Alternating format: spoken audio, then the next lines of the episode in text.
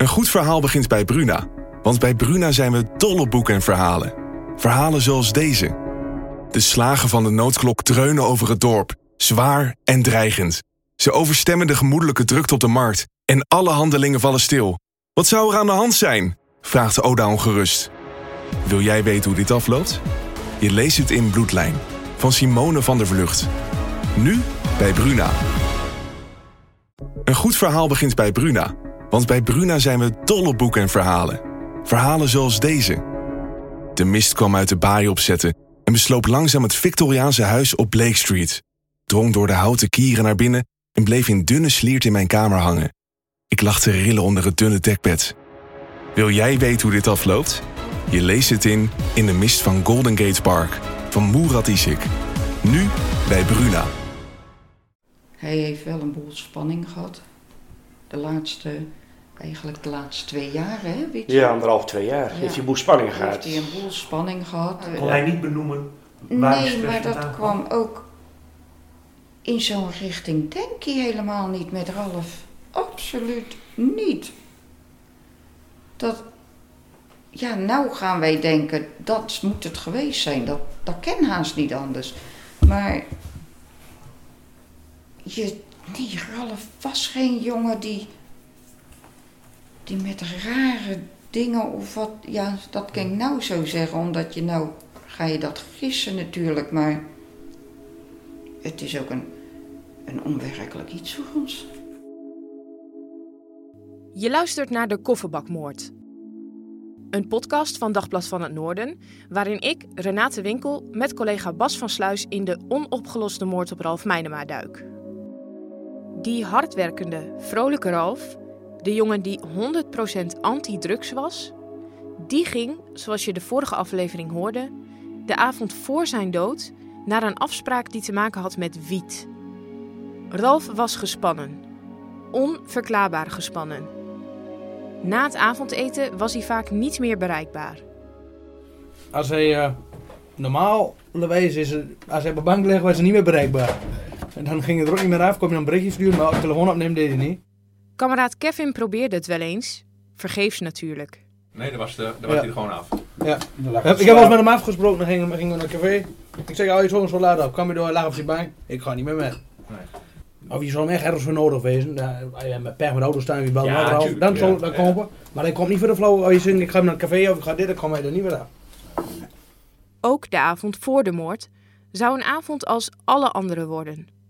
Mans, de man die Ralf als zijn tweede vader zag, vertelde ons dat hij Ralf had weten over te halen niet naar de afspraak met verdachte Hans O. te gaan. En eh, omdat ik meegekregen had dat hij eh, een afspraak met hem had gemaakt, heb ik hem gezegd: Ralf, blijf daarbij weg. Ga niet met drugs of wat ook aan de gang. Doe dat nog niet, blijf er weg. Maar voor jou was het feit dat jij hoorde van, goh, hij heeft s'avonds laat een afspraak, dat is En raar. raar, tuurlijk is dat raar. En dan vooral toen hij vertelde: ja, die zit in wiet en, en, en, en. Ja, dan denk ik: wij hadden het, wij hadden het mooi met elkaar. En dan giet hij. Is hij toch, zeg maar, die Hans O, die heeft hem overgenomen op een of andere manier. En hij is wel ingegaan, maar hij heeft hier nog tegen mij gezegd, ik ga er ook niet En in. daar was je van overtuigd. En dat was ik, omdat hij dat zei. Gewoon als alle avonden op de bank. TV kijken. Vroeg naar bed. Want Ralf moest immers om 6 uur weer werken. Aardappels afleveren in Warven. Ruim 100 kilometer verderop. Maar toen werd ik later op opsporing verzocht. Ja, dat is zich ook nog weer door zo'n zich op uh, Noordersloot met iemand had getroffen en alles. En dat hij toch ingegaan is. Dit is Opsporing Verzocht.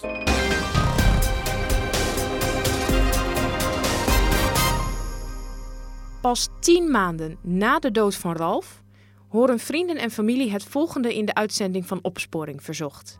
Maar rond kwart voor acht die donderdagavond gebeurt er iets ongebruikelijks. Op deze plek aan de Noordersloot, vlakbij een meertje dat hierachter ligt, ziet een automobilist de kenmerkende Mercedes van Ralf Meinema. De getuige herinnert zich dat er iemand naast de auto staat. Waarschijnlijk was dit Ralf. En ook stond er een motor of scooter op deze plek, wat het aannemelijk maakt dat Ralf hier met iemand stond te praten. Ralf gaat die avond niet vroeg op bed. Nadat hij bij zijn goede vrienden Mans en Barry op bezoek is geweest, maakt hij een ongebruikelijke stop. aan de Noordersloot in Erika, op steenworp afstand van het huis van zijn ouders. Bas en ik rijden erheen. Wat voor plek is het? Wat heeft iemand daar te zoeken? En dan zou het hier ergens in de, in de bossen een soort. Of hier misschien school? Ja, er zou een hek ergens zijn, geloof ik. Want hier rechts van mij, van ons, zit een soort slootje. Ja, hier. Hier. Hier is het. Ja, hier zit ook een hek. Het is een soort van gietijzeren hek of zo. Ja. Met twee rondjes en Ja. het lijken wel twee zonnetjes, zeg maar. Een grote ketting eromheen. En er zitten allemaal van die, eh, van die haakjes op, van die punten op. Oh ja. Dat je er niet overheen kunt springen. Kun je de auto eens een beetje draaien dat, we dat, dat, we op het, dat, dat je het pad verlicht met de koplampen? Ja. Ik vind dit gek genoeg onheilspellender dan, eh, dan het Stieltjeskanaal hoor. Nou, het is misschien ook omdat het nu heel donker is. Nou ja, maar dat is het Dat was het toen ook, hè? in Dus maart om, om 8 uur ook. hier kun je wel de kriebels van krijgen van zo'n plek. Dat, ja, ik, ik vind dit een kriebelige plek. Rondom is er weinig bebouwing. Slechts een enkele woning. Wat doet Ralf Meinema hier in het schemerdonker op 30 maart 2017, enkele uren voor zijn dood?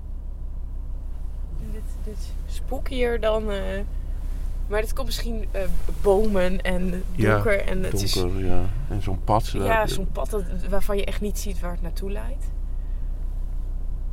En toch denk ik hier dan ook weer van... Ik, ik denk dat het... Waarom spreek je niet in het centrum af? Gewoon twee auto's op een parkeerplaats bij elkaar in de buurt. Eh, de een stapt bij de ander in. Waarom spreek je dan hier? Want het valt hier gelijk op. Als ik dan denk dat hij eh, mogelijk betrokken was bij die schimmige zaakjes. Hè? Mhm. Eh, wiethandel, zoals wij hebben gehoord. Eh, en je zou die avond een afspraak ergens hebben. Misschien verken je wel iets. Of ga je kijken waar het dan precies is. Misschien was dit wel de plek waar werd afgesproken. Dat is een goeie. Als dat aan de orde was geweest. Hè? Niemand uit zijn omgeving heeft er een verklaring voor dat hij hier gezien is. Niet voor de afspraak bij Noordersloot, maar ook niet voor de afspraak later op de avond. Even na 11 uur 's avonds zien de buren van Ralf dat hij vertrekt. Zou de politie meer duidelijkheid kunnen scheppen in wat er die avond is gebeurd? Receptie, goedemorgen. Goed- goedemorgen, met Bas van Sluis van Dagblad van het Noorden. Wij hebben een afspraak met Jan van der Belt. Hi, goedemorgen. Hoi, alles goed? Hey. Dag, Jan. Jan. Van Sluis. Hi, Renate. Hoi. Hoi, Goedemorgen. Renate. We spreken op een politiebureau in Groningen af met Jan van der Belt, de rechercheur die het onderzoek leidt. Van der Belt neemt ons mee naar een kantoor achter in het bureau. Er komt weinig zonlicht door de kleine ramen. Geen imposant kantoor. Een beetje muffig zelfs. Wat is jullie reconstructie van die laatste dag van, van Mijnema? Wij weten dat Ralf die dag eh, aan het werk is geweest. Eh, hij is middags thuisgekomen. Eh, hij is vervolgens heeft hij nog wat boodschappen gedaan. En dan vertel ik het even heel globaal. Hij is in de loop van de avond is hij nog bij zijn moeder of bij zijn ouders geweest om eten te halen. Is daarna naar huis gegaan. En het, wij weten niet anders dat Ralf zou die avond op tijd naar bed. Want hij moet de vol- moest de volgende ochtend weer vroeg beginnen en vroeg zijn bed uit. Geen woord over Noordersloot. Het contact met Hanso. De afspraak na 11 uur 's avonds. Hij heeft eten gehaald, is ook thuis geweest. Heeft, eh, heeft waarschijnlijk ook eh, gewoon dat, dat eten genuttigd. Eh, wat hij daarna exact gedaan heeft, ja, daar hebben we wel een aantal indicaties over, maar dat wil ik in het belang van het onderzoek nu nog niet prijsgeven. De politie gaat in op ons interviewverzoek en verwachtingsvol gaan we heen. We hopen op antwoorden, juist ook om de zaak open te breken. Maar zelfs over zaken die de politie eerder zelf naar buiten bracht, zoals de ontmoeting bij Noordersloot, doet rechercheur van de Belt ineens vaag. Hij let extra goed op zijn woorden. Hij zou bijvoorbeeld gezien zijn bij Noordersloot. Volgens mij is dat bij Erika. Wat, eh, wat, wat kun je daarover vertellen? Ja, dan kom ik een beetje met hetzelfde antwoord. Eh, ook die signalen zijn bij ons binnengekomen. Je weet, we, zijn, we hebben heel veel mensen gehoord, heel veel getuigen gehoord. En eh, bepaalde getuigen eh, verklaren dat ook. Dat ze denken dat ze Ralf daar gezien hebben.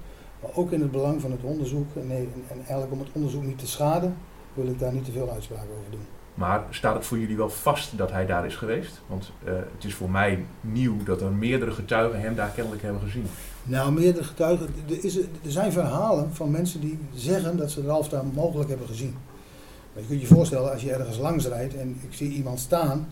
eh, eh, ja, soms ben ik zeker van mijn zaak. En soms denk ik van, nou, ik denk dat ik die gezien heb. Tegelijkertijd had hij een hele opvallende eh, zwarte Mercedes. Eh, niet alledaags in elk geval. Dat klopt. Eh, en, En ook daarvan rijden er meer rond in die omgeving. Ja, En maar er, ook is vastgesteld, of althans, dat daar in elk geval een auto met een persoon naast zich, maar dat er ook iets van een motor of iets dergelijks heeft gestaan. Dat klopt. Ja. Hebben jullie daar al iets over kunnen achterhalen? Nou, ook, ook daarvan, eh, kijk, ik wil het onderzoek verder niet schaden, dus ik wil daar gewoon niet te diep, te diep op ingaan. Oké. Ik kan daar niet op ingaan. In het belang van het onderzoek kan ik niks zeggen. Ik wil het onderzoek niet schaden. Het wordt bijna het standaard antwoord van de rechercheur. Hij weet precies wat hij wel wil zeggen, maar vooral ook wat niet. Ook over de afspraak s'avonds laat laat hij weinig los. We hebben heel veel onderzoek gedaan. Eh, ik heb het je net al gezegd van, nou, eh, wij willen graag een beeld hebben van wat er die nacht exact is gebeurd. We hebben het erover gehad, hè? we weten dat Ralf vermoedelijk die avond richting Rietland is gegaan. Dan praat je nog over een tijdstip van rond, eh, rond het, het nachtelijk uur. We weten ook dat Ralf uren later daar is gevonden. Wat daartussen is gebeurd en wie daarbij betrokken zijn geweest, daar doen we nog steeds onderzoek naar. En waar je dan staat, ja, dat is voor mij moeilijk om uit te leggen, want daar zou ik het onderzoek mee schaden. Rietlanden, de wijk waar verdachte Hans O. woont. De telefoon van Ralf straalt s'avonds om 4 minuten over 11 aan bij een paal in de buurt van zijn huis in Klazinaveen. Om 23 over 11 komt datzelfde telefoonsignaal uit de Rietlanden. 20 minuten. Ralf is s'avonds om 11 uur uit huis vertrokken en moet haast wel rechtstreeks naar Emmen zijn gereden. We doen onderzoek zowel op telecomgebied als op digitaal gebied. En daar, daarbij hebben wij de indruk gekregen, of in ieder geval de veronderstelling gekregen, dat hij dus kennelijk uit bed is gegaan en, eh, of, of vanuit zijn woning is weggegaan en is vertrokken. Eh, het was laat in de avond en dat was, voor ons was dat bijzonder, omdat, ik heb het je in het begin al geschetst, het was een hardwerkende jongen die eh, s ochtends vroeg zijn, zijn bed weer uit moest. Dus in die zin kun je zeggen dat het niet gebruikelijk was voor deze jongen om s'avonds laat nog op pad te gaan. Je moet je voorstellen, jij hebt je telefoon aan. Jij bent van, misschien wel vanuit eh, jouw, jouw bureau van het dagblad naar het noorden naar hier gekomen. Dan straal jij bepaalde palen aan. Je hebt het internet erop, denk ik. Ja, dat wordt allemaal vastgelegd. En, en van daaruit kunnen wij ongeveer een, een, een route bepalen van die moet die, die moet die afgelegd hebben. Een goede reconstructie maken van waar hij Ja. op welk Maar dan moet tijdstip je je daarbij wel voor het oog houden. Op het moment dat jij een, een, een, een mast in de Rietlanden aanstraalt, dan kun je alleen maar zeggen die mast staat daar. Eh, eh, maar dat gebied van de Rietlanden is heel groot. Het gebied waarop, van waaruit je die mast aanstraalt is, is, is enorm. En daar houdt het op. Ralf Meinema heeft op 30 maart 2017 telefonisch contact gehad met Hans O. Een man die hij amper kende, maar met wie hij, volgens Mans, om 11 uur 's avonds een afspraak had. Een afspraak die te maken had met wiet. Ondanks pogingen van Mans om Ralf over te halen niet te gaan, loopt die avond toch anders dan alle anderen. Ralf wordt mogelijk gezien bij Noordersloot, samen met iemand op een scooter of een motor.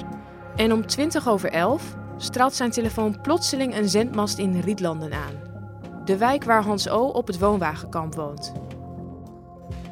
De politie tast in het duister. Wat, wat maakt deze zaak eh, volgens jou en volgens het team eigenlijk zo moeilijk?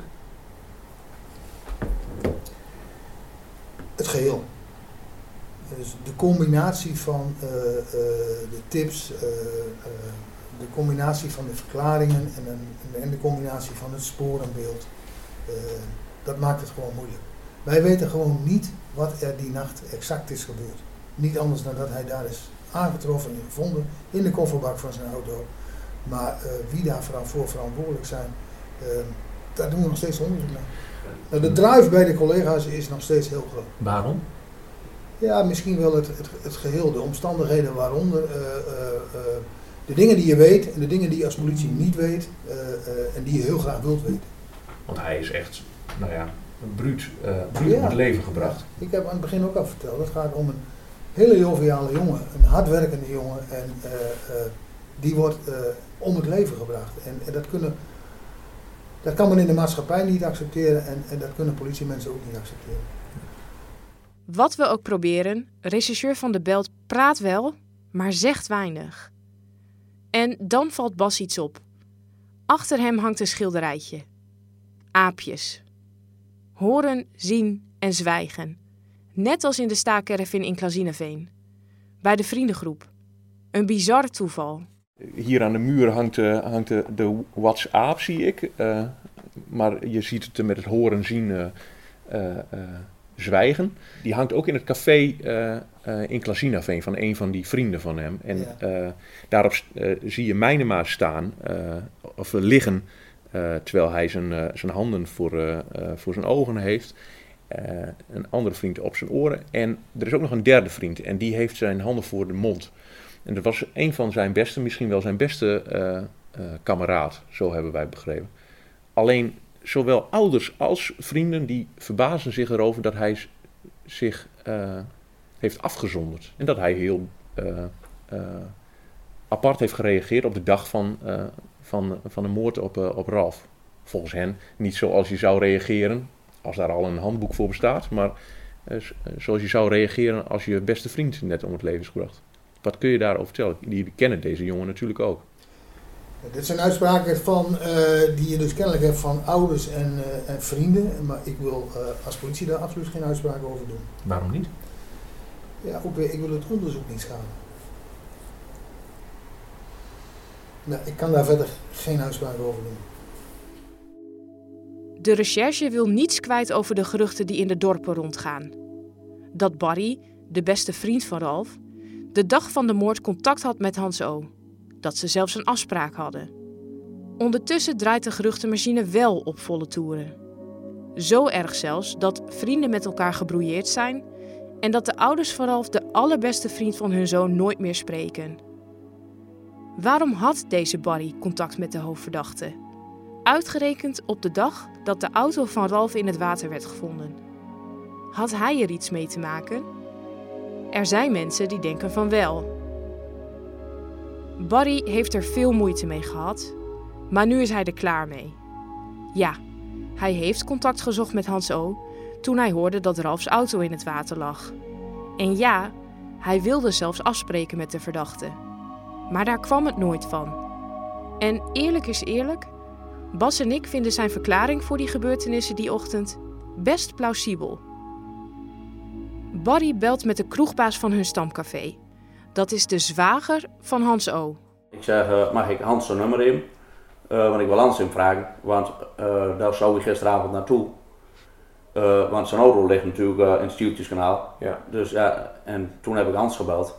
Jij wilde weten, waar is Ralf? Ja, ik is- zei, is waar- waar- is, is Ralf bij jou geweest? Of eh, heb, heb, heb je met Ralf afgesproken? Of, dus ik wist ook nog in het begin, de eerste keer dat ik belde, nog niet dat er wat in de koffer lag. Dat Ralf in de koffer lag. Oh, toen was Ralf überhaupt nog niet gevonden? Nee, dat was nog helemaal niet gevonden.